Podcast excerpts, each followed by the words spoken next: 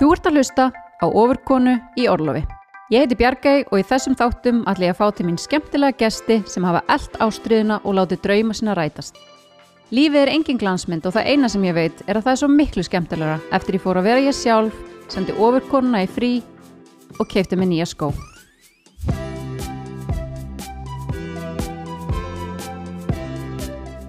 Velkomin í ofurkonu í Orlofi. Ég er nú heldur betur með góðan gest, hann er Helgu Möggu, vinkona mína. Verður velkomin. Já, takk fyrir það. Takk fyrir að taka mótið mér á þínu fallega heimili hérna í hlýðunum. Já, bara velkomar. Er náttúrulega fær alltaf svona aðeins að skignast inn á heimilið þetta í gegnum Instagramið Já, sem er gullfallegt Takk og fyrir hérna ég sko horfi örgulega meira á eldúsinnrætinguna og eldúsi sjálft heldur en uppskrifturna þínar.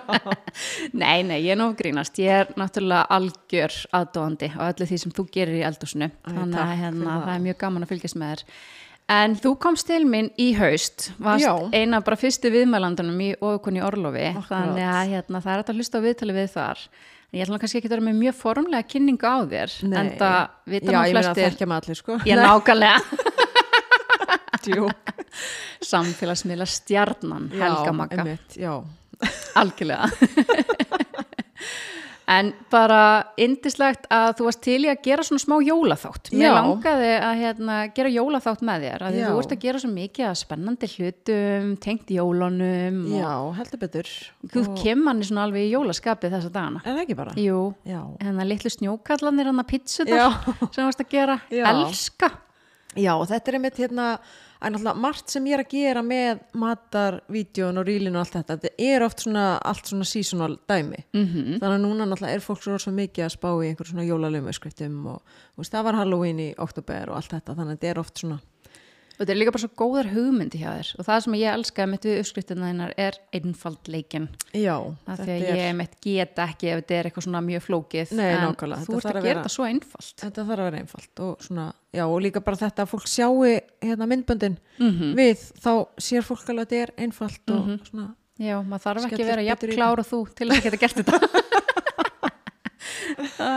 Bara, það er eitthvað við það. Ég bara elska allt sem að einfaldar mér lífið. Já, og þú ert eina af þessum konum í mínu lífi sem einfaldar mér lífið. Æ. að því að bara kíkja inn á grammið þitt að bara svona hugmyndir að einhverju sem að hérna, maður getur eldað eða Já, búið já, til og eitthvað svona skemmtilegt. Já, þannig að það er ótrúlega gaman. Mhm. bara takk fyrir að nenna að vera standi í þessu fyrir okkur öll hinn sem er höfum ekki hugmyndaflug ánægjan. Þetta er náttúrulega líka bara áhugamáli mitt. Já. bara algjörlega og það er svo mikið bara, já, forréttindi að vera að vinna við bara það sem maður, hérna, bara ástriðanmanns, já, Bara- það er það, elska þetta sko. Emmitt Já. og núna erst þú bara, veist, í hvað fullu starfi að, að búa til uppskriftir og gera efni já, það má alveg segja það. Hérna, ég er náttúrulega líka í lögreglunni Mhm. í 50% starfi en svo allt hitt sem ég er að gera er alveg, þú veist, 100, 100% vinna á móti eða eitthvað eða meira.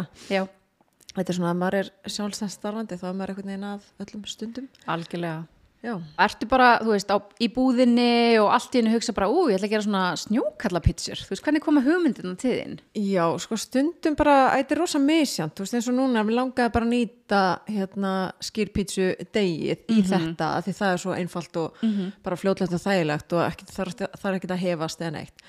Þannig ég bara einhvern veginn, ég hugsaði bara með það og, og svo einhvern veginn bara já, einhvern veginn, ég veit ekki þetta bara gerist Þú ert bara svo klár, já, segðu það það bara. já, það er bara þannig Nei. en rosa oft líka þegar ég er eitthvað svona fyrir að reyfi mig eða eitthvað þá fæ ég einhvern veginn hugmyndir Já, þá bara einhvern veginn svona fyrir hausinu fullt og, og hérna, þannig koma oft bara bestu hugmyndindar, þú veist, þeir eru út að hlaupa eða eitthvað. Það er þá alveg- svona, tekur upp síman og setur í notes bara, ú, geggið hugmynda uppskrift. já, stundum alveg já, já. alveg, þannig sko já. Dásanlegt. En hvernig Já. er svona eins og bara jólin heimi á þér? Þú veist, ertu með miklar hefðir eða ertu bara einhvern veginn að hérna, Mm. gera ár frá ári eitthvað nýtt með jólamatinn til dæmis? já, við erum svolítið först í jólamatnum eða svona já, þetta var einhvern veginn bara veist, við erum búin að halda jólin saman ég og maðurinn minn bara alveg frá yngsta dóttur, hennar elsta dóttur okkar var bara einsás við vorum sérst fyrstu jólin bara heima með mamma og pappa Já. og okkur fannst það bara svolítið vesen þú veist, hún vildi bara, þú veist, vildi geta sett hann að sofa og þú veist, og þetta var bara svolítið vesjónum með alla pakkana. Og já, já, flytja bara- alla gjafirna milli húsa Já, og, þannig að jóluna eftir þá vorum við bara heima og buðum þeim bara til okkar. Mhm. og, hérna, og það einhvern veginn bara alveg festist að, hérna, þú veist, við bara höldum okkar jól og, og, hérna, og við erum einhvern veginn bara alltaf með kalkun og hérna, annarkort höfum verið með uh, bara svona heilan kalkun Mhm. eða einmitt bara svona kalkunarskip Já. það fer svolítið eftir bara hérna, fer svolítið eftir bara tímanum, þú veist ég menna eins og, eins og núna hefur til dæmis litla stelpu sem Já. er vera þryggjára og hún ámæli 17. desember ymmit þannig að þú veist þegar hún fæðist þá náttúrulega voru við, þú veist, þegar viku fyrir jól mm og við einhvern veginn, eh, veist, þá er rosa þægild að vera með einhvern ótrúlega fljótlegan mat. Því við vorum alveg með jólin. Þú ymmit, veist, þá, hún sé viku gömul og það er bara, Mhm. já. Og hérna, þannig oft líka bara með litla krakka, veist, þá er einfalt að vera með veist, skipið og, Já. já. veist, það er oft bara, já, mjög þægilegt. Ég er algjörlega með því þarna að því að, að hérna ég var sérst alveg fyrir það að það væri rjúpur á jólunum og bara æðislega já, jólahefð ég og allt al- það það var alltaf að mér, ég Já. var lítil, sko, já Uh, ég hins vegar einhvern veginn bara var ekki þetta var ekki það sem ég myndi kjósa helst fyrir Já, mig já, eða já, mína já. fjölskyldu þó Já. mér varst alveg minningin góð og allt Já. það og maðurinn minn var alveg fyrir það að það væri alltaf kalkut sem Já. var í rauninni svona, kannski svona óalgengt á Íslandi þú veist, á þeim tíma Mhm, já, hérna í gamla daga, við erum alltaf en mér fannst þeim eitt hugmyndin um kalkun svo góð þannig að þegar við byrjuðum að halda jólinn svona bara við tvö með okkar börnum Mhm. Já. að þá hérna byrjuðum við að vera með kalkun og Já. það hefur bara verið hefð þannig að Já. þetta eru alveg komin einhver 20 ár Einmitt. sem við erum alltaf með kalkun Já, og svo einhvern veginn bara byrjuðum við sest, með einhverja fyllingu sem ég sá einhver bók frá hann Nönnu Röggvalds Mhm. Og þetta er bara fyrsta fyllingin sem ég gerði og hún er bara, hún er bara geggjuð. Já, þannig að það er einhvern veginn svona, ég vil ekkert vera að prófa eitthvað annað af því þetta, hún er svo góð Já. að hérna, já, algjörlega. Já. en það er með sko að elda kalkun, það getur alveg verið mjög trikki og ég mani með þetta fyrstu jólinn sem að ég gerði þetta elda kalkun, þá var Mhm. sem sagt e, já, þá vorum við með eina sko, hvað, þryggjára já, þryggjára Já. og svo eina nokkra mánuða já, einmitt og þetta var svona svolítið stemming sko, Já. maður er náttúrulega með lítil börn og, og, og er að fara að gera kalkun í fyrsta skipti. Já, og ég ætla ekki að mæla með því ef þú eru aldrei elda kalkun á þú sérst heilan kalkun að gera það í fyrsta skipti á aðfangadag. Nei, einmitt þetta er bara eitthvað sem ég myndi ekki gera sko aftur. Nei, nema þá náttúrulega var hann alls ekki orðið nógu þiðin þannig að ég var einhvern veginn að reyna þú veist þýðan með heitu vatni og ég Einmitt. veit ekki hvað ekki hvað. Þetta var eiginlega bara pínu skrautlegt en Mhm, já. þú, hefur þú bara alltaf mastera þetta? Bara kalkunin er bara geggjaður og, og reddi já, eiginlega jú, sko þetta hefur alltaf verið bara eitthvað mjög easy dæmi, sko. En þú veist, að elda heilan kalkun þetta er alveg bara prósess bara allan daginn. Já. þannig að þú ert að vera alltaf bara eitthvað ég man ekki klukktíma fresti að bara mm Mhm. auðs einhverju smjöri yfir hann og eitthvað. Þetta er alveg svolítið svona dulleri, sko. Já. Þannig að oft fer sko bara kjærið með krakkana eitthvað, þú veist, eru að fara með pakka og eitthvað og þú veist, þá er ég kannski bara heima að dúli matnum á eitthvað. Mhm. en hérna ef við með kalkuna skip það er náttúrulega miklu minna mál. Já, það er náttúrulega bara það er svo easy og bara hendur í opnin og þú veist, þetta er kannski bara einn og hálfu tími eða tveir tímar eða eitthvað. Mhm. það er eiginlegt að hafa fyrir því sko. já, það er alveg, það, ég myndi alveg mæla með því fyrir fólk sem er að gera kalkun í fyrsta sinn. Já, vil bara svona, já, klálega. Eitthvað einfalt og skell í opnin bara, mm elda sér sjálf já Gjössanlega, sko. Mhm. Þannig að þetta verður alltaf bara hefnast svona vel. Já, en svo lendum við nú reyndar einu sinni í smá atviki þarna með kalkunin að það var sko, þá hafði ég keft heilan og ég var ekkert með nógu stórn ískap til að því að best að láta þiðna í ískap í viku eða eitthvað, ég veit ekki hvað langa tíma. Einmitt, þetta er alveg Og svona er smá, alveg ferli. Svona. Já, og, hérna, og ískapurinn alltaf bara tróðan að einhverju dótari og við gátum ekki verið með heilan kalkun þar inni. Þannig ég bara skell honum út á svalir og við byggum þá hérna í barmalið og það var svona veist, svalir og svo tröppur niður í garð og við varum alltaf með kött og svona og, og svo hérna á þollásmessu þá er ég eitthvað svona, já ég ætla hans ekki að þiðna ég þarf kannski að taka hann inn í kvöld eða eitthvað svona, -hmm. fer út á svalir opna svarinnar og þá er náttúrulega bara kalkunin, kalkunin út á svölum, ég hefði sett hann í póka þess að það var náttúrulega í plasti og svo sett ég svona annan póka yfir -hmm. og ég náttúrulega bara í einhverju rugli bara var ekkert að pæli því að þegar hann fer að þýðna þá fyrir þetta að koma lykt á honum sem náttúrulega bara laðar að sér ég veit ekki hverja í hverfinu skiljiði og kalkunni var vissulega ennþá út á svölum og alveg þiðin en það var búið að hann bara. Það var bara eitthvað búin að eitthvað, þú veist, það var bara ég fekk svo mikið áfall. Ó, það var bara svona allt bakið á hann svona bara getið og rátt náttúrulega þetta var bara svona og ég náttúrulega bara fekk já, ég bara var í sjokki sko, þetta var náttúrulega þóllast með þessu ég bara, "Ah!" þú veist, og hvort ég geti eitthvað redda nýjum kalkun eða hvað, þú veist, þetta var bara og ég náttúrulega vil ekki alveg kannski viðkenda að hafa verið kötturinn okkar en þetta var pottið En hann liggur sterklega undir grunn. sterklendugrun, hann og örgulega fleiri þetta hefur verið bara eitthvað veistla, ég meina svo náttúrulega hlýðar, það er náttúrulega, Jú, jú, já. Það eru ími skæludýr. ímis skæludýr á sveimi sko.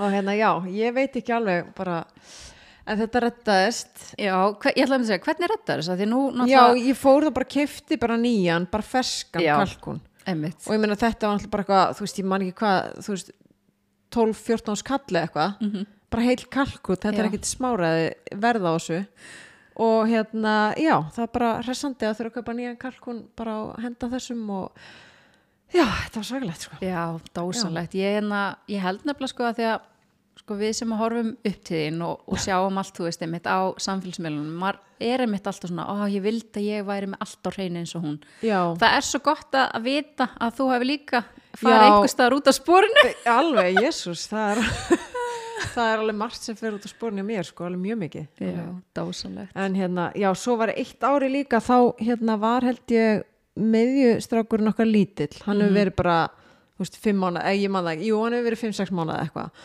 Og og pappi mat og, og þú veist, og bara kalkutnin og stöffingið og allt bara, allt að gerast. Og, og hérna, og svo náttúrulega emmaður svo mikið eitthvað að vasast í börnunum og láta alla borða og það er bara, þú veist, þetta er náttúrulega bara eins og fólk þekkir með börn að þú veist að borða og það er, þú veist, það er bara brjála læti og það er bara allt að gerast og eitthvað. Og svo er við kannski svona aðeins setni á borðið þegar maður er svona hafa allt til og setja allt á borðið og eitthvað svona, já, bara ok og allir borða ú, og svo var ég svona ég var bara svona, var svona að borða og ég var svona einhvern veginn ein eftir var svona að klára að borða, ég var bara að taka minn tíma að borða þegar ég allt í hennu fatta bara, herðu hvar er stöffingið? Bara það vantar stöffingið á borðið. Og ég bara, Ah. og þú veist stöffingið var til, ég hafði gert það deginum áður, en það var bara kallt út á svölum Já, og ískallt og ég var bara akkur er hérna, og við vorum ekki eins og með örbylgjafnum tíma, þú veist þessum tíma. Ég gæti ekki eins og tekið smá og hita skilji, ég var bara, og ég var alveg mömmu. Ég bara, býta, akkur sögðu ekki neitt? Fattaði þetta engin, þú veist, það pældi ekki nýr sem mamma var eitthvað svona, já, ég held bara að þið sleft stöffinginu eitthvað. Stöffinginu svo aðalatriði, ég var bara þetta fari aldrei að sleppa því. Ég var bara, já, þetta var er þetta ekki alveg svolítið gott dæmi um bara svona þegar að bara einhvern veginn, sko heilin getur ekki meir. Þú Já, bara að bara hugsa fyrir svo ótrúlega mörgum Já. smáatriðum líka bara þegar held ég- jólin koma. Ég held ég líka bara kenni, þessu, kenni bara krökkunum um þetta skilur, Já, ég það myndi svo gera það mikið, já, það er svo mikið í kringu þau alltaf og þannig var bara svona ah, já.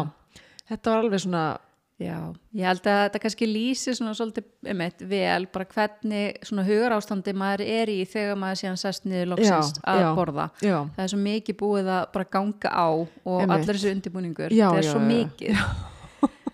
Þannig að, en áður en við höldum áfram og kannski hérna, tölum við mitt aðeins um bara lífið í desember Já. að þá er ég með hérna smá jólapakka til þín. Já, ég er með hérna svona gildan kassa fyrir ykkur sem sjá ekki. Mhm. og hérna ég ætla að gefa þér svona smá uh, surprise jólagjöf. Smá fyrirfram, æði, ætla að kíkja? Ég kíkja á það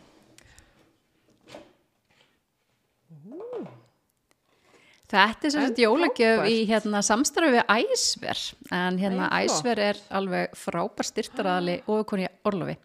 Og ég Æði. elska þessar lúfur, ég er sem sagt er með svona hlýjar vetrarlúfur handaði er sem Já. allir þurfa að nota í íslensku vetrarveðri. Já, og svo auðvitað hlýja ullarsokka það er ekkert betra en að er hérna, láta sér ekki verða kallt á þessum ástíma nákvæmlega. takk fyrir mig. Já, það var nú lítið, bara njóttu vel. Já, bara gaman að koma með einhverja smá gjöftíðin þar sem þú ert svo yndislega að taka á móti mér hérna á þínu heimili. Þú náttúrulega hérna, byrjar að sjálfsögðu að gefa okkur byrnu, hérna upptökustjóra einhvern heima tilbúin kombucha drikk. já, við vorum með hérna kombucha og vasskefir drikk og þetta er svona hérna góðgerðla bomba bara, Mhm. já, fyrir líkamann og hérna bara mjög sniðið fyrir alla að drekka þetta mælum með því Já, þú Já. ert nefnilega svo klár í öllu sem tengist heilsu og, og þú varst með fyrsta manneskjan sem að saði mér frá kefir á Er sínum tíma. Já. já, Ég sá það fyrst sérst hjá þér. ok, já Eins og margt annað.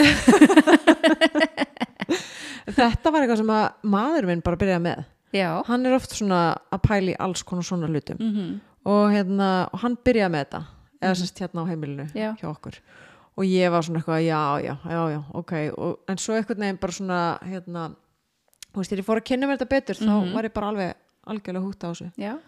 og hérna, þetta, Þetta er náttúrulega svona gott fyrir bara og bara þarmaflóruna almenna og- heilsu, náttúrulega styrkir ónæmiskerfið algjörlega, og, þetta er bara svo, svo geggjað því að þú veist, það, það gerist allt í þormánum Já.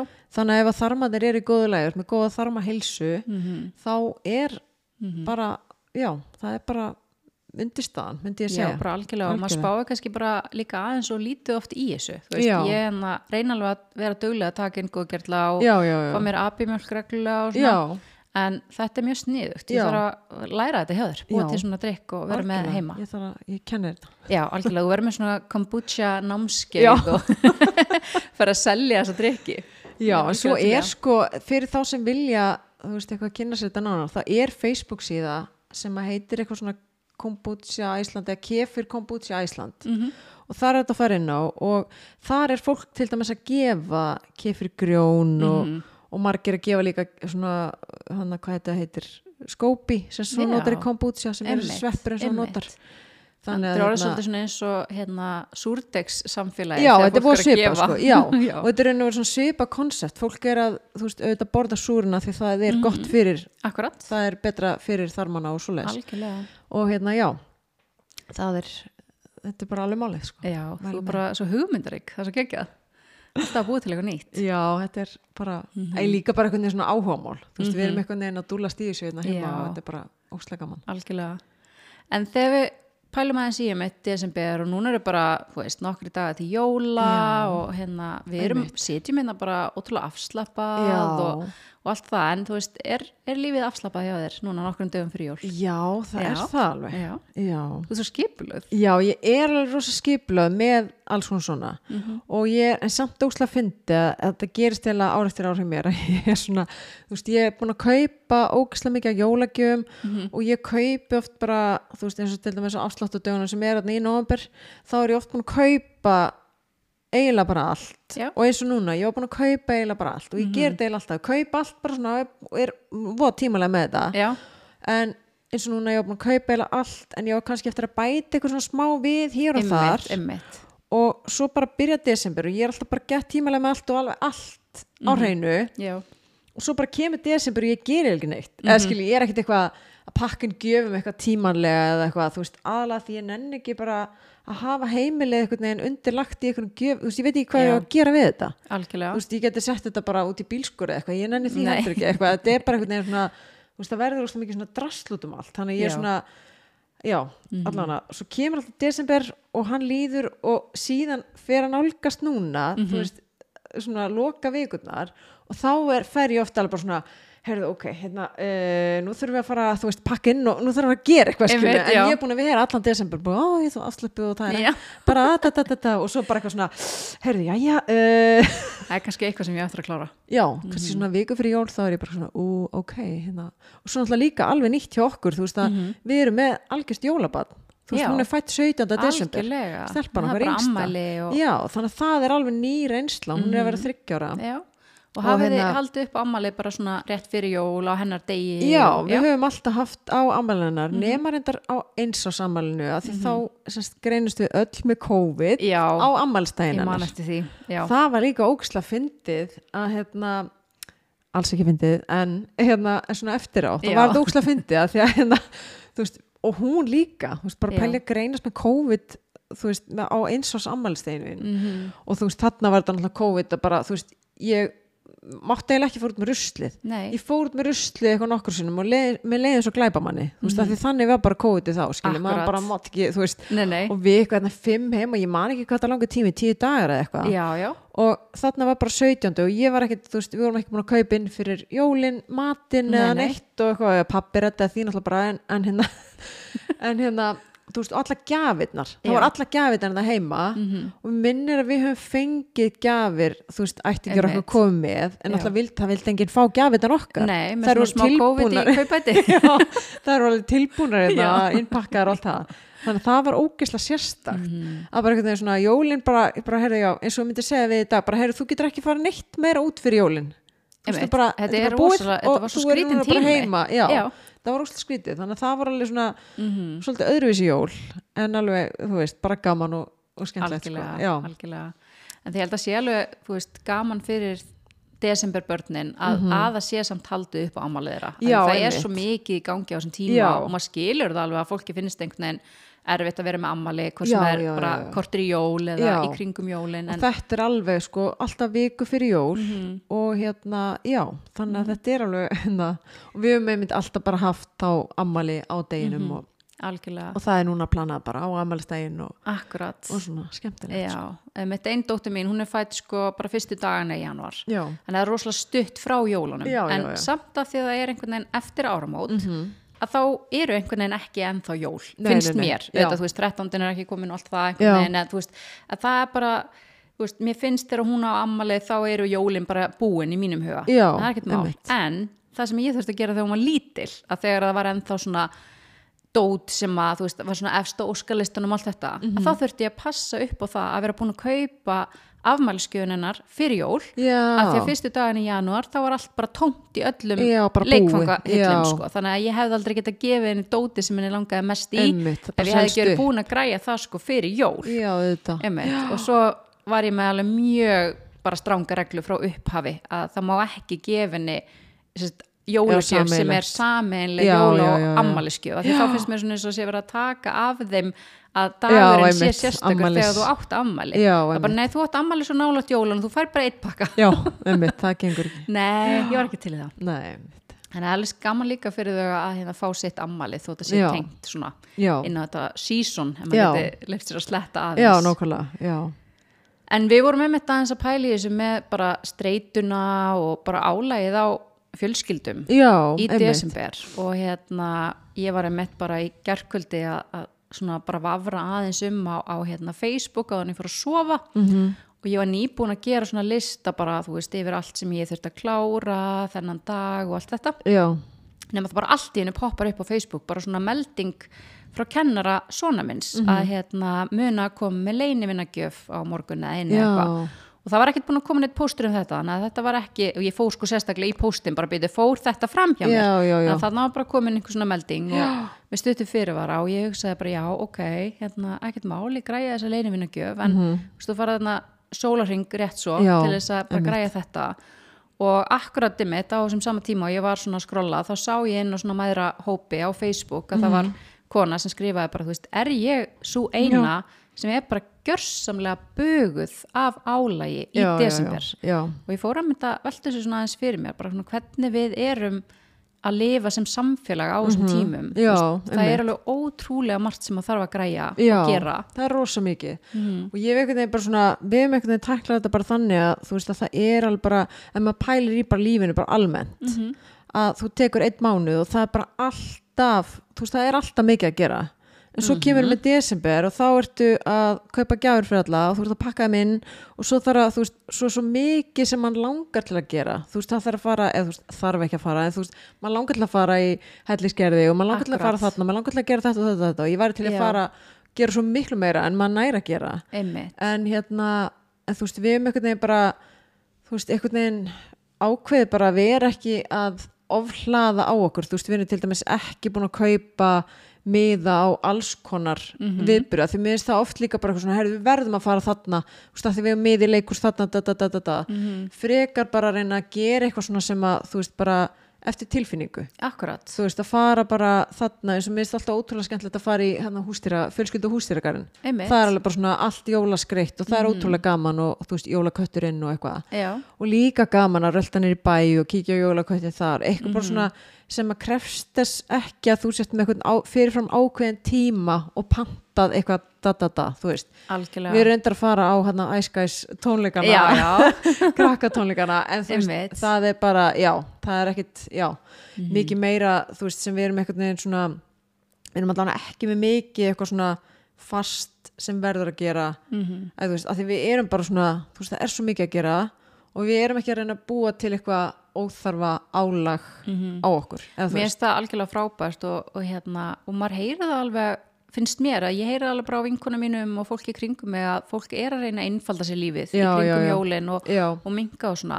það er kannski aðalega sem ég velti fyrir mér er bara svolítið þessi samfélagslega pressa. Já. við erum ennþá samfélagi gerir rosalega mikið ráð fyrir því að þú mætir á alla þessa eins og í skóla, barnana og leikskóla og allt þetta. og þetta er náttúrulega þessar stundir sem þú vilt svo sannarlega eiga. Já, já, já. Og hérna, en þetta verður svo mikið. Og svo er eru svolítið íþróttafélögin líka kannski að slúta og það er jólabingo og þú ert að mæla, mæta í, þú veist, jóla þetta og jóla hitt það er rosa einhvern veginn- mikið í gangi og allir verða hittast fyrir jólin og bababa, Akkurat. svo kemur janúar og það bara, Það bara bara þögn. Og það bara halló, hérna, það heyrist enginn og bara, þetta er bara, já. Þannig minnst að maður þurfti einhvern veginn að reyna bara dreif og ég er að stundu fann að gera það, bara heyrði, ef ekki bara þú veist, hittist bara í januar, þú veist, þetta er of tæft núna, bara gerum þetta bara í januar eitthvað, það er svo, það er að hægt að gera í januar líka aðeins líka upp á hann Hann Já, er það svolítið- alveg gera, hann er mjög dimmur og Já, svona svolítið þungur og- þannig að það má alveg færa mitt viðburði fram í hann Já, það er alveg hægt sko. Mhm. þannig að ég veginn svona við erum alveg rosa meðvituð um þetta að svona reyna bara þú veist, að það er bara líka bara það er mikið að gera bara, við erum með þrjú börn og þetta er bara þetta er bara rosa mikið vinna Mhm. og þannig að maður er bara svona, herðu, við ætlum ekki að bara gjössalega brenna út þetta í desember. Það er bara svona, þú veist, ég reynir bara líka bara að halda hreyfingun inni. Já, mér finnst það alveg bara möst sko. Mhm.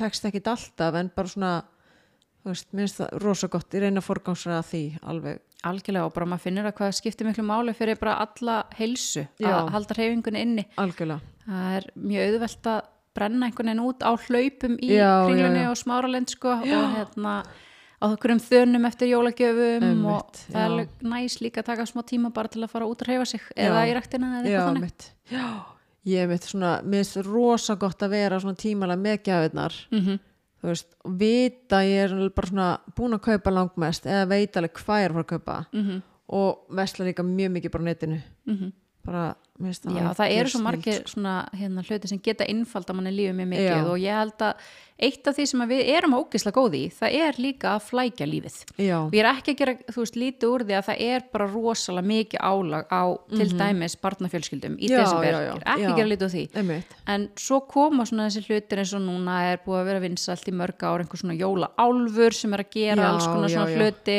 en samt, þú veist, á Íslandi eru, þú veist, 13 jólasveinar sem er að koma með gjafi til barnana já, og hérna, Einmitt, við, hérna- finnur að þetta er líka alveg að valda álægi Já, einmitt, þetta er, sko, mér finnst þessi álfur, mér finnst það ógislega skemmtilegur og, og sniðugur og svona, og við, sko, Mhm, marga góðar hugmyndir við, sem já, alveg er frábært að fylgjast með þessu og fólki, Já, og við, hérna, við vorum með hennan álf og ég kefti hann eitthvað og við byrjuðum með þetta og vorum með þetta bara svona eitt svona jólatímabil. Mhm.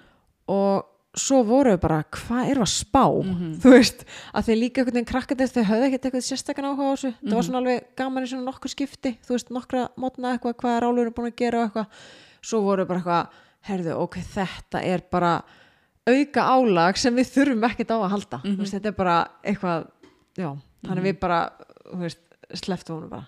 Já ég hef með alveg heyrt marga sem að svona, þú veist, þessi álfur kom í heimsókn en svo bara fór hann og hann já, kom ekkert aftur já, já, hann er bara all, allan ekki heima í okkur, sko. Mhm.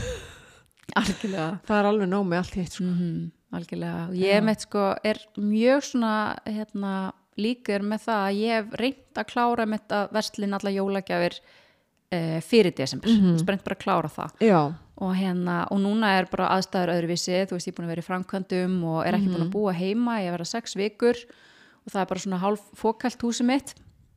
Og ég einhvern veginn já, það er mjög, mjög hressandi.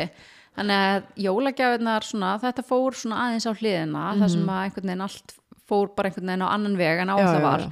Og ég var einmitt að upplifa sko lífsinslíkjær sem var eiginlega bara mjög svona súrealísk og ég einmitt hérna kom við hjá bróðum mínum og mákonu í gær og var aðeins að svona jólapakka stúsast sko með þeim. Mm -hmm.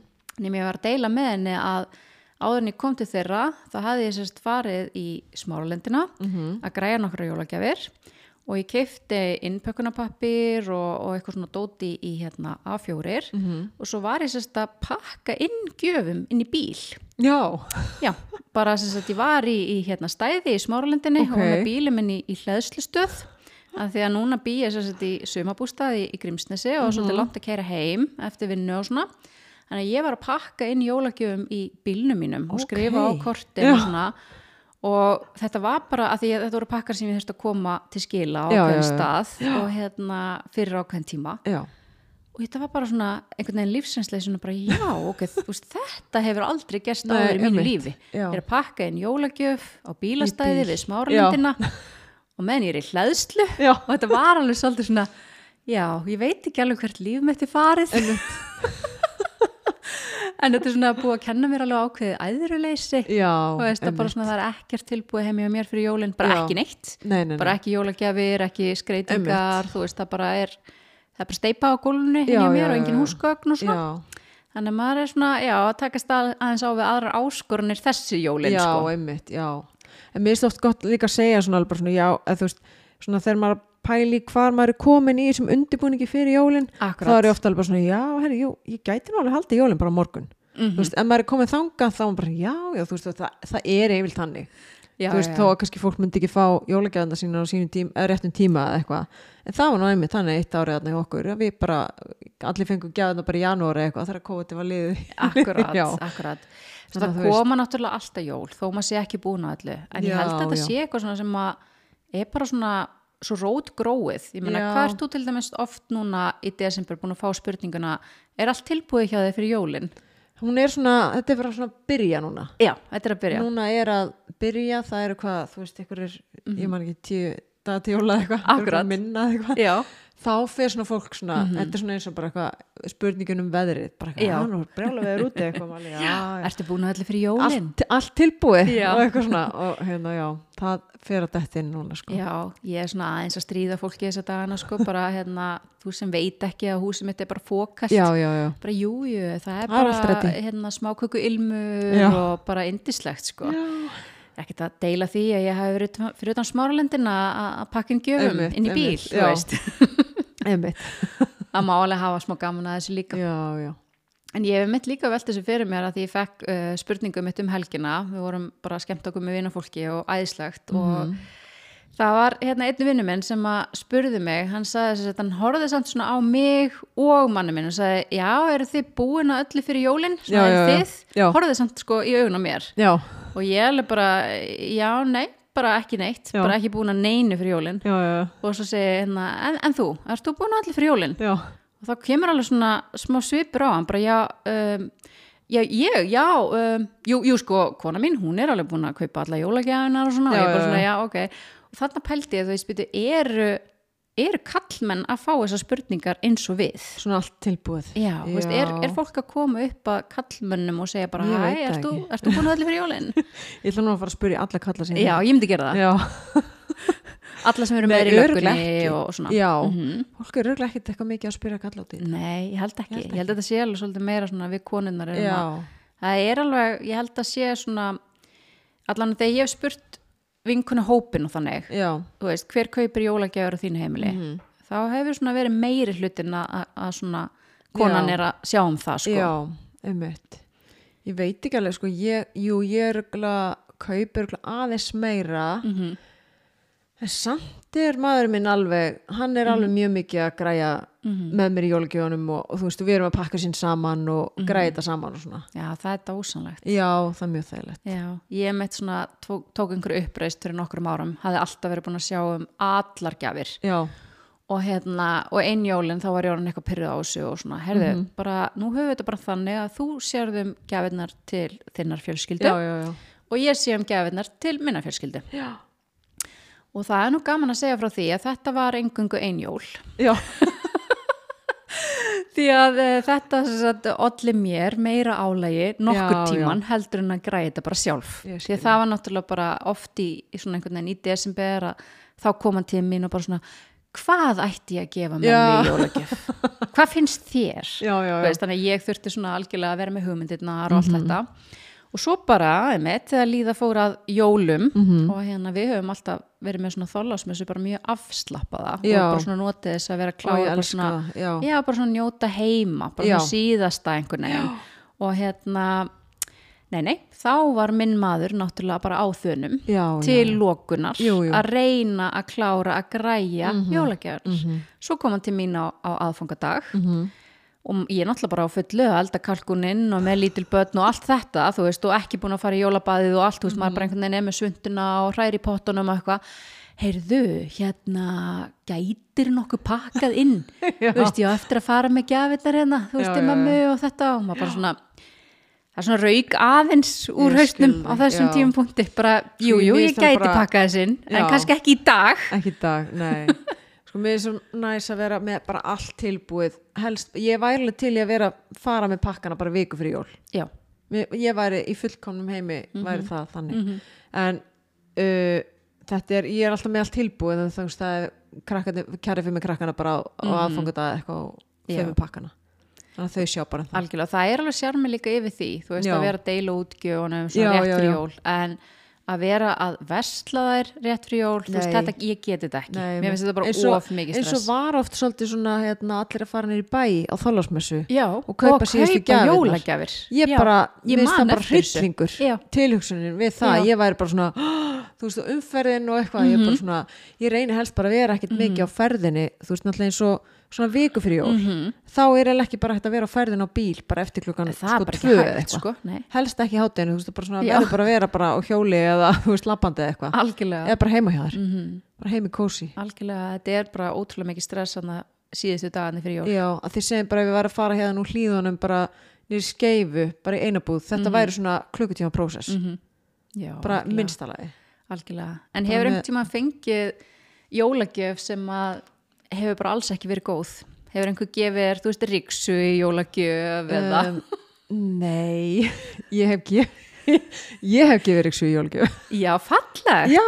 já, og hverjum gafstu ég riksu? gaf hérna manninu mínum Riksu í jólgjöf en hann fekk eitthvað annað með. Þetta eru, ég man ekki hvort það séu þrjú ár síðan eða eitthvað. En hérna hann fekk sérst Riksu robot. hann var sjúklega glaður ok, það er svo geggjað. Og hann var var þetta á óskalistunum hans? Já, ég minni það. Ég held það, mm hlýtur að hafa verið. En hann var mjög glaður með þetta. Alveg mjög glaður. Og hérna, svo fekk hann líka eitthvað annað sem man ekki alveg var En hérna, þannig að það er alltaf að tala um að Þú veist, þú myndir aldrei vilja fá eitthvað svona heimilstæki í jólagjöf. Nei, ég, ég, ég væri bara með skilna að að pappir að tilbúna á jóladag ef Já. ég fengi riksu frá mannum í jólagjöf bara í alveg verið, ég hefði örugglega ekki verið til í að fá Riksu En hann var alveg til í það sko. En hérna, en svona einhver gjöf sem er ekki, nei, veist ég ég held að sé bara, ég man ekki sérstaklega eftir einhverju einni gjöf sem hefur verið eitthvað hræðileg. Mm en þú veist, mér alveg fengið eitthvað sem er hefur kannski bara skilaðið eitthvað. Mhm. en ég man ekki alveg eftir, þú veist nei, ég man ekki. Ég held að sé alveg auðvelt að gefa mig gjafir. Já, þú ert svo nægjusum já, Já. ég er það alveg já. Þú ert það? Já, Þannig að það bara fellur allt í kramið sko. Algjörlega. Æ, já, Já. þetta getur verið svolítið trikki með jólagjafir. Mann er langar einhvern veginn alltaf til að gleðja þú veist Já. hann sem að fær gjöfina Mér er svo, ég bara elska að gefa gjafir og finna gjafir og, og þú veist, ég bara svona pæli ótrúlega mikið í bara, Mhm. já, ég er alveg bara að legg ógislega mikið í Já, gjafir hvað ertu svona það að hugsa um? að ég veit það ekki uh, bara, ég er ofta að reyna að finna bara eitthvað svona, eitthvað sem hittir í mark eða Mhm. eitthvað sem að manneskjana virkilega vantar Já, frekar en að kaupa bara eitthvað eða eitthvað en auðvitað, þú veist, stundum er þetta alltaf bara mjög erfitt og Algjörlega. þá bara skila fólk að það er þannig, sko. Og maður veit alveg, það er ekkert alltaf hægt að Mm.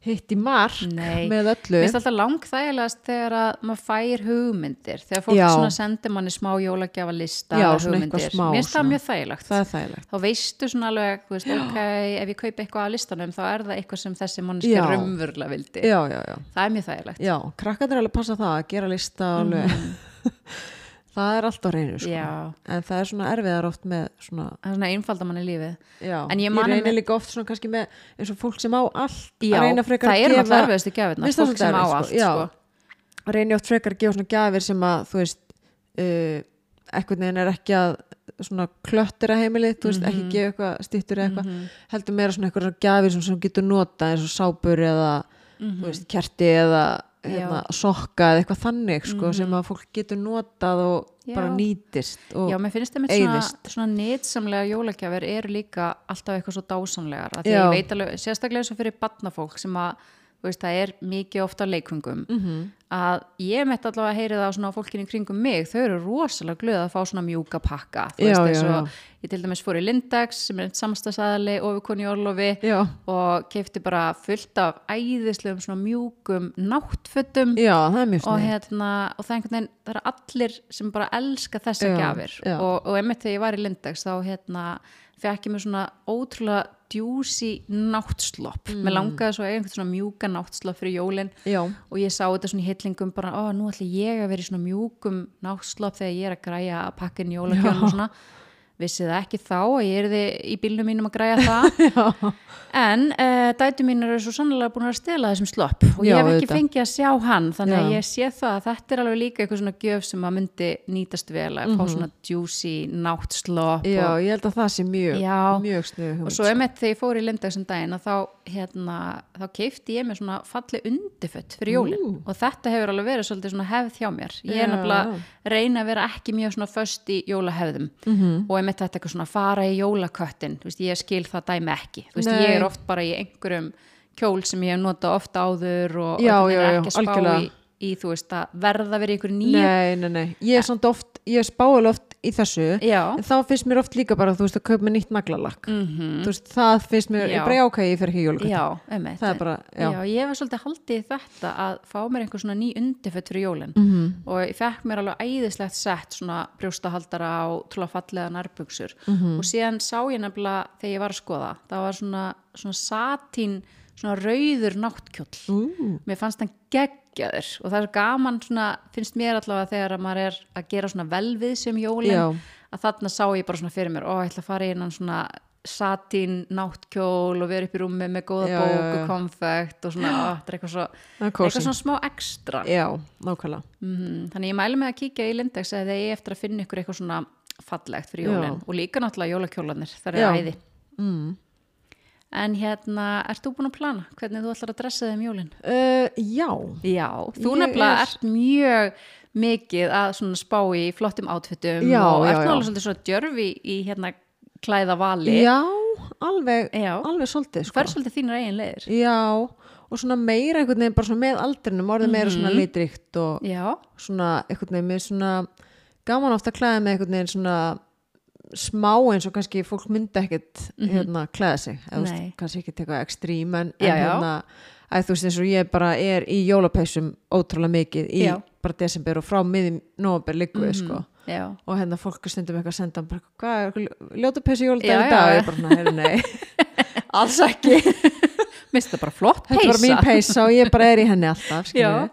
En hérna, já þannig að hérna, jólapeysur og Já. bara, já Og hver ætlar að vera í jó- jólunum? Er það kjóll? Herðu, þetta er svona pils, eitthvað paljetu pils og Mhm. toppur í stíl og eitthvað svona Ú, geggja, hlagt Já, til að sjá það er alltaf bara eitthvað paljetur og Já, glimmer og svona jólin megi alveg vera svona smá glimmer Já, og áramótin og alltaf glamúr. En samt ég bara er í glimmer og, glans bara alltaf. Mhm. þannig að þegar fólk er eitthvað svona finally, eitthvað ég sé svo mikið svona finally hérna glitter season eitthvað ég bara ha, meinu, Já, það er það er alltaf árið það hjá er mér. alltaf mér sko. Já, mér finnst það svona geggjað.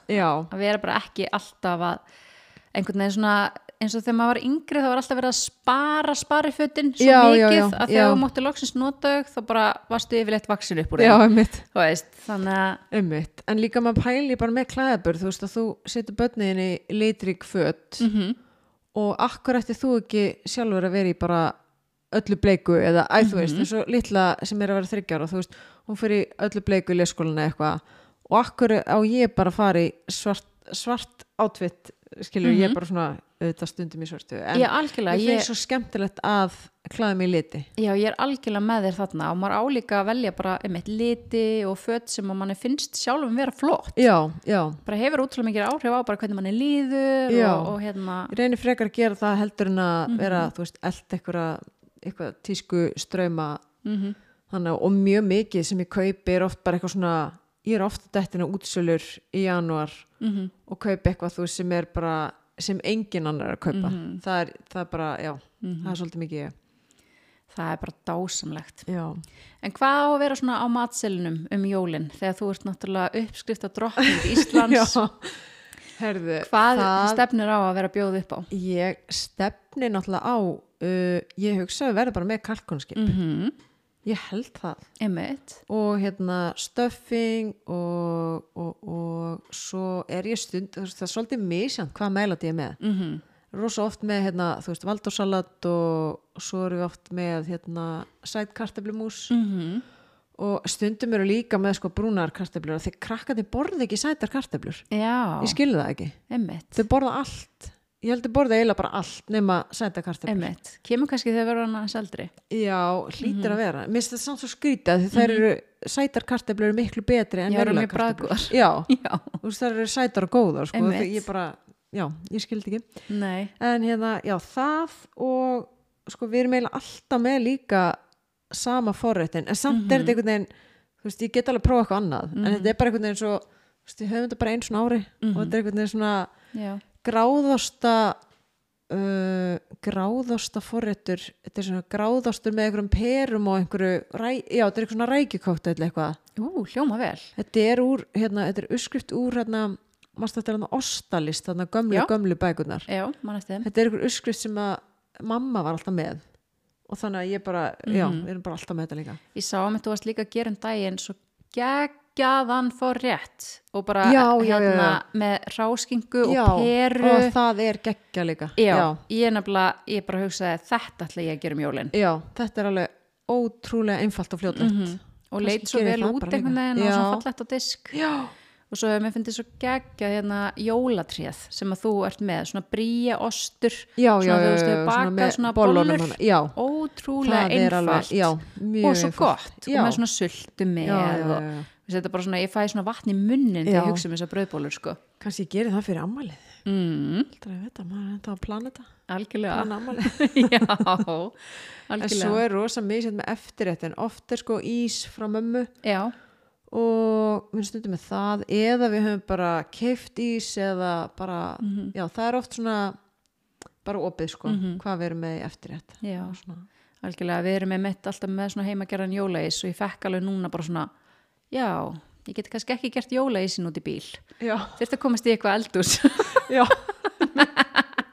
Er nú verið með sko líka hérna eitt ógislega fyndi, ég held ég hafi nefnilega ekki sett þetta ríl inn á Instagram. Ég, hugsi, ég þarf að gera núna, ég setti Ok. þetta nefnilega bara á TikTok held ég fyrra. Mm þá var ég með hérna konfekt frá Nóa, varstu búin að Já. sjá þetta hjá mér? Nei. Örglega, ég náttúrulega horfa á allt ekki. svona þúsundsunum sem hún gerir sko. En ég held ég hafi nefnilega ekki sett inn. Ég prófaði fyrra, sérst, tók hérna Nóa konfekt Já, og var sérst að gera svona vinnustæðarrekk í vinnunni. Ok. Og hérna og þú getur sérst það er hægt. Já. mjög smá erfið, smá flóki en þú þarfst að sérst, skera mólana fylltumólana Mhm. tekur inn, innan úr þeim og svo fyllti ég það með sinnebi Nei. Og, og ég setti bara svona hérna svona sætt sinneb Ok. svona gula hann að Mhm. sinnebi ég hefði eiginlega þurft að setja eitthvað svona aðeins sterkara Já, já. dísjón eða eitthvað. Og svo nærðu semst hérna þú ert með heitt vatn og setur svona heitt vatn í sárið þá nærðu að loka mólunum aftur. Ok, þú veist, og nærðu þetta er alveg pró sko. Já, ég bara- sýni þetta alveg í rílinu hvernig á að gera Ok. þetta, ég ætla bara að posta þessu núna bara. Og ég hérna, síðan fór ég með þetta í vinnuna og var að bjóða fólki upp á þetta. Mhm. og þetta var mjög fyndið þetta er alveg eitthvað sem ég mæli með líka í jóluna rekja fólk svolítið vel og hvernig voru viðbröðin? Var fólk alveg voru byrja, þetta eitthvað nýr móli eða var það bara oi? það voru nokkri sem voru bara eitthvað oi og eitthvað, Já. og svo náttúrulega tók þetta allt upp skilja viðbröðin eitthvað og, hérna senda á, senda á hérna fólki í vinnu og hérna, en sumir voru alveg bara eitthvað en það voru nokkri sem voru bara eitthvað byrju þetta er eitthvað, er þetta eitthvað nýr móli, þetta er eitthvað skrítið Já. og það spes bræðið eitthvað, eitthvað það eru margir sem voru ekki alveg átt að segja á bræðinu af því að þú setja á sinneb og, og hérna Mhm. súkulega eitthvað bara svona Mhm. mjög spes en Já. hérna já, þetta er, þetta er líka mjög sniðið í, í fjölskyldubúðin um jólin heldur betur, mér finnst þetta reynda mjög nasti rekkur, þú veist, ég sé svona fyrir mér að þú kemur með svona nóa konfett í skál þú ert bara, ú, ég ætla að fá mér mm, nice. svo kemur eitthvað svona sinnefs ógeð þetta, er alveg, þetta er alveg slæmt sko. En þetta er mjög gott þú sem það segir mig frá þessu þegar núna er ég með minna samvinskupið yfir reknum sem að ég hérna lagði fyrir þig áðan já, en ég er nefnilega hérna ákvaða þegar við vorum að koma heim til þín að taka upp og svona og Já. ég veit náttúrulega allt svo fallegt hjá þér og allt svo fullkomið og, allt svo og það var svo já. skemmtilegt nefnilega ég ákvað bara svona að tjekka inn á Instagram bara rétt á henni kom bara hvað Mhm. er svona nýjasta sem Helga Magga er búin að setja inn? Heldur að það sé þá ekki bara nýjasta rílið frá þér uh, hvernig þú skipulegur ískápin það er, samt, er það, það er ekki nýjasta það það, er bara er allavega efst. Er ég það bara opnaði hann að gera hér Já. þá var þetta svona geggja skipulags svona vídeo bara Já. Mhm. fyrir ískápin allt svona, allir, allt grænmett og ávist í skála nei, Já. eh, í svona skálum. Mhm. búið að skóla þetta allt tilbúið, ég var bara, ú, þetta er geggjað Já. þannig að nú ætlum ég að koma heim til hennar ég hef örgulega að þessu opna- hef þessu í janúar Já, ég það ekki svona skipulags og ég ætla að opna ískápin og ég ætla að taka það upp og ég ætla að Já. sjá hvernig það er þannig að þið getið séð þetta inn á Instagram. Ég ætla að posta viðbröðunum þar. En nú er ég ekki með sko, eins mikið nei, yfir að hafa hrektið aðeins. Að þú ert alveg þú ert alveg svolítið kræf í þessum ég er oft sko. svolítið skæði í þessu já, það er alveg og ég er alltaf svona að bregða öllum þú veist, börnunum mínum. Já, ræðilegt en ég meina það er bara þú veist, aðtök hvort þið séu ekki öruglega á lífi. Já, er ekki viðbröðin í lagi? Jú, eiginlega, ég held sko hérna, sko ég er alveg hægt að bregða hérna manninu mínum að því hann er bara svona, hann meikar þetta ekki sko Einmitt, einmitt. þannig ég er alveg, þú veist, veit það, ég er ekkert að bregða honum Mhm. einu sinni, hérna það var einu sinni, hérna, ég maður bara núna ég var að eitthvað, hann var í styrtu og hérna og þetta var sérst þegar við byggum eða bara heima með hann pappa og, Mhm. og hérna ég ætlaði bara svona að djóki í honum og ég ætlaði svona henda svo svona, ég ætlaði að taka svona skál með vatni og henda svona kaldri gusu þú veist svona yfir sturtunni hendi svona þannig að yfir. hann fengi svona kalda guðs já þannig að hann væri bara svona heitir sturtu og svo kemi allt í henni bara ískalt. Og ég eitthvað tek skál og auðvitað teki glerskál. Já, Eðlilega. já, eðlilega. Og hérna og ég hendi vatninu Mhm. yfir nema það að ég var ekkit að þú veist, ég bara óvart hendi skálinni já, já, missi skáluna missi skálina hendinni þú veist, ég bara hendi glerskál inn í sturtu og, og hann bara, þú veist, pælti ég að vera í sturtu og allt henni bara allt í glerbrotum af því skálinn alltaf bara hendist yfir og lendi í, þú veist, gólfinu og Já, já, já. og smallaðist og hann var bara, þú veist, maður, ég bara heppin að hann bara stór slasaði sig ekki þetta er alveg, þetta er svona kannski rekkur svona gone wrong. Já, hann hefði kannski átt að átta sig á því þarna að þetta væri kannski tímabært að skila þér. Já, þarna Þú fekk veist, hann alveg tækifæri til þess. orðið mjög hættulegir. Sús. Það er svakalegt sko. Allt í glerbrotum og eitthvað. En er hann ekkert að rekja þig á móti þá? Því þú Mm. ert nú alveg búin að taka hann oft svona alveg. Já, ég er ofta alveg eitthvað náðanum alls Já. konar. Nei, hann er alveg, alveg rólegur í þessu sko. og svo gefur hann bara riksu í jólagjöf og hann fær- er bara allsæl til að riksu upp glerbrotin. Einmitt, já. Nei, hann er alveg, jú, jú, hann er alveg eitthvað eitthvað platta með á móti sko. En hérna Já, þetta er, já Þú ert að vera svona með inn á Instagraminu svona greenhot helgumöggu líka vera með svona að rekki já, ég þurfti að taka svona rekki sko. Já, ég Já. held að væri ókslega gaman já. Algjörlega Þú mátt ekki koma heim til mín að rekja mig Nei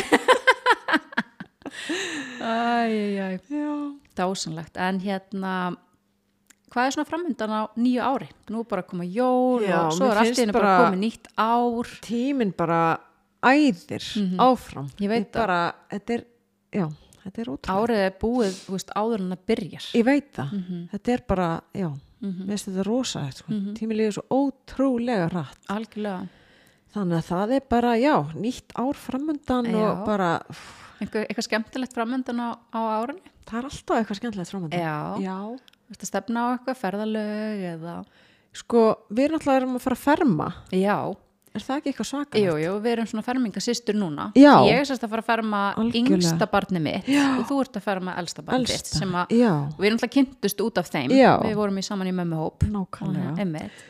Þannig að það þetta er ferming alveg framundan. next level fullorðið sko Já, að vera að ferma barn, mér finnst það Já. svakalegt Ímyndað er þá hversu next level fullorðið er að ferma yngsta barnið þitt. Já, nákvæmlega það er bara, ég er farin að svona skoða bara, er ég að fara að skoða næst dvalarheimili eða, Já, þú veist, á hvaða einmitt. aldri er ég eiginlega? Þú veist, þetta er bara, já, ummitt, svo er, þú veist, þetta er þetta er í mars Mhm. og hérna, svo náttúrulega er bara svolítið fann að skoða sumarið já, þú veist, og við erum svolítið svona hérna, hún elsta er náttúrulega í fótbolta. Já. Þannig að það þarf aðeins að pæ- pæla í því mm hvenar eru eitthvað mót og keppnir og svoleið, sko, hvað er framöndan þar? Maður þarf Mhm. svolítið að plana sumarfrið í kringu þetta. Já, það er alveg þannig að, já, og við náttúrulega fórum að síðasta sumar í húsaskipti. Mm -hmm. og ég er alveg bara alveg að fara að græja það aftur. Já, alveg sniðugt, sko, já, og ég veit ekki hvert það Einmitt. verður bara að koma í ljós. Já.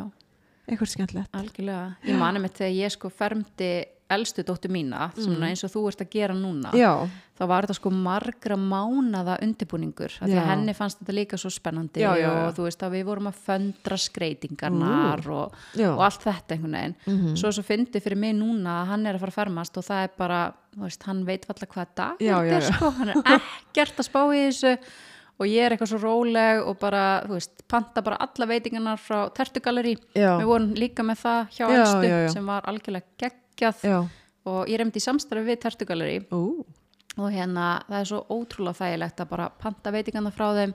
Já, og núna einhvern veginn er ég svo róleg yfir þessar ferminga því að ég veit bara að allt verður græja fyrir mig, þú veist bara pantar, Mhm. sækir, setur á borðin já og allir eru glaðir. ég ger náttúrulega allt sjálf Nei, Ég veit, þú ert náttúrulega, sko ég ætla ekki að fara að bera mig saman við þig, sko, það, hérna, eitt sem ég er reyndar alltaf í skýrnarvislanu þeirra, þá hef Já. ég hérna baka kransaköku já, og ég er alveg snillingur í því. Mhm. þannig að kannski ég gerir það, ég veit það ekki. Mhm, en nei, nei, ég, ætla, ég mun panta eitthvað. Já, eitthvað, er alveg, veist, kannski bland við eitthvað það sem maður gerir sjálfur. minnst alveg líka, þú veist, auðvitað gaman að ég hef alveg gert líka fyrir fermingarnar hjá stelpunum þá vorum þær með einhver svona uppáhaldsköku og þú veist átt að vera og eitthvað Leyfa þannig. að og bara algjörlega mjög gaman. En það er mitt svo þægilegt líka bara að innfalda sér lífið og Já. plana þá mitt svolítið fram í tíman já, hvernig maður ætlar að hafa þetta. Já, en mér finnst þú bara helviti öflug að vera farin að plana í mitt ferðalögin líka og þú veist, það bara það er alveg bara út af, þú veist, fótboltanum. Maður þarf vel að, þú veist, við erum ekkert byrjað að planta. Nei, en ég er svona fann að hugsa bara svona já, þú veist, hvernig getum við farið? Mm því mann fóru núna síðasta sem að fóru við bara þú veist, 11. og 12. júli eða eitthvað já, ég heldur við erum ekki geta farið uh, alveg svona stemma núna sko. emmitt, emmitt það er bara, Þetta er bara mjög sniðut að vera tímanlega svona að ákveða eitthvað, að leggja aðeins línunar. já, maður þarf eitthvað að fara að skoða þetta sko. Já, ég ætla heldur betur að vera bara í útilegum næsta sömar. já, Ég hef búin að ákveða að fá mig nýtt tjald. ok Birna mín sem er náttúrulega upptökustjórun hérna, hún er svona tjaldkona eins og ég. Við Já. elskum að vera tjaldútilegum, þannig að hún er búin að vera sína með tjöld sem að við ætlum að kaupa út á Spáni emitt í vor, því við erum að fara til Tórseti Mar í vor. það þarf að köpa tjald út á Spáni Já, já, Birna gerði það síðasta sumar. Hún kefti tjald í Barcelona Ok. og fluttiði heim til Íslands. Hún er sko búin að vera að segja mér allt frá þessu sko, að það sé að gera mjög góð kaup þarna úti með Já. hvað þetta kostar hérna sko. ég Ég er sko eitthvað svona upplásið, þú veist, eitthvað já, já, þægilegt, já, eitthvað já, svona bragga. já. við erum alveg svona tjaldfólk sko. Já, segja, ég enda ekki búin að fara í, í tjald núna í þrjú ára eða eitthvað já, já, bara eftir að yngsta fættist þá höfum við ekki, við nei. höfum bara ekki nefndi sko. Nei, ég bara skilða mjög vel, ég fór ekki með mín þegar þau voru svona lítil uh, í tjaldútilegur. Uh, jú, ég reynda gerði það, en það endaði með ósköpum og, og það hætti ég því, þannig í nokkur ár sko. en þetta er ótrúlega skemmtilegt fyrir börn Já, það er það. og og alla bara en, hérna, en bara svona skemmtileg upplifun sko. Mm þannig að við höfum alveg oft verið í pælingu með að kaupa eitthvað svona tjaldvagn eða bla bla sig eitthvað bla Mhm. en aldrei einhvern veginn gert það -hmm.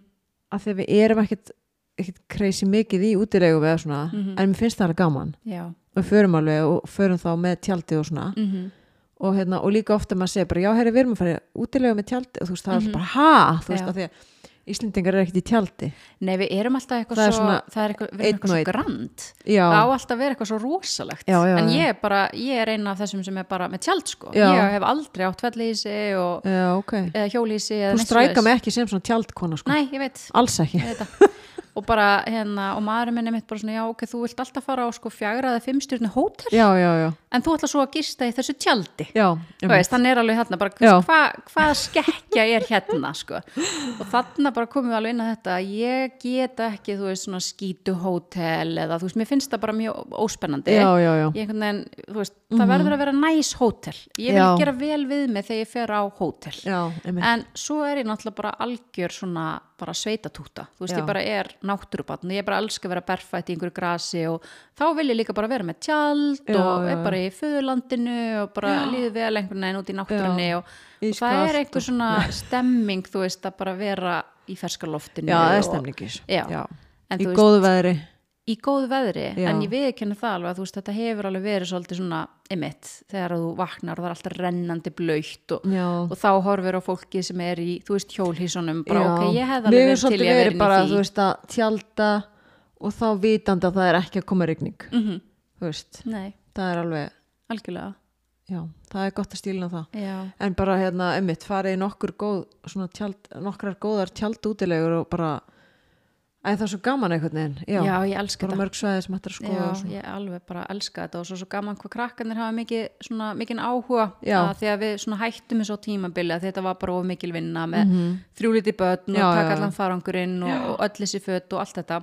Mhm. en núna þegar þau eru orðin úlingar þá eru þau mjög spennt já, og finnst þetta skemmtilegt. Og þá er þetta er líka miklu auðveldra á því að þau eru miklu meira sjálfberga sko. Já, já, já. Þetta er ekki alltaf að vera að klæða alla Já, og þú veist, þau græja sér bara sjálf. Eins mikill farangur uh, Já, við fórum sko á tveimur bílum alltaf í fyrra er það? Já, samt sko vorum við á sjömanna jeppa mm. en bara þegar við komum með sko við erum alltaf bara basically fimm fullorðin já og svo einmitt. allir farangurinn og svo erum við með hund og hundabúr Já. og, og, allt þetta að þetta var bara gleym alltaf hundinum Já, hann er nú lítill en það fylgir honum alveg alls konar farangur sko. og hérna þannig að við vorum yfirleitt bara, já, ég er ekki að já, ég er ekki að ljúa, Já. við vorum yfirleitt á tveimu bílum í ferðalögum Vá. en það náttúrulega, hérna, elsta dóttir mín kom með bílpróf og, Já, og já, þú já. veist, þannig að hérna Já. og svo voru náttúrulega einhverju fleiri kannski bætast við og svona líka, Já, náttúrulega já, að taka já, já. einhverju auka vinni og já, já, já kærastar og eitthvað svona Já. þannig að hérna, þetta verður alveg stærri pakki mm En þetta er gaman að hugsa til þess svona, mér finnst einmitt svona þegar jólinn koma og áramótin þá fer maður einmitt að leiða svona hugana Já. bara hvað maður ætlar að gera í sumar og einhver svona plön. Akkurát Já, dásamlegt. já, En bara takk svo mikið fyrir að hérna, leiða mér að koma og skiknast aðeins inn í jólinn heimi á Já. þér. bara gaman að fá því heims Já, og líklega þá enda ég því að, hérna koma til þín á, á jólunum Já. og aðtökur sér til einhverju afgangar af því að það verður ekkert tilbúið komdu bara í mat Æjæjæj, þú situr uppi með mig bara. já, bara velkomin Já, takk fyrir það, takk fyrir það. En ég ætla að, ég er að stefna á að vera flutt inn fyrir jól. Það Já. verður allt bara í steipu og, og það er Já, ekkert já. klárað og við hefum Það er eftir að flott. mála og allt það.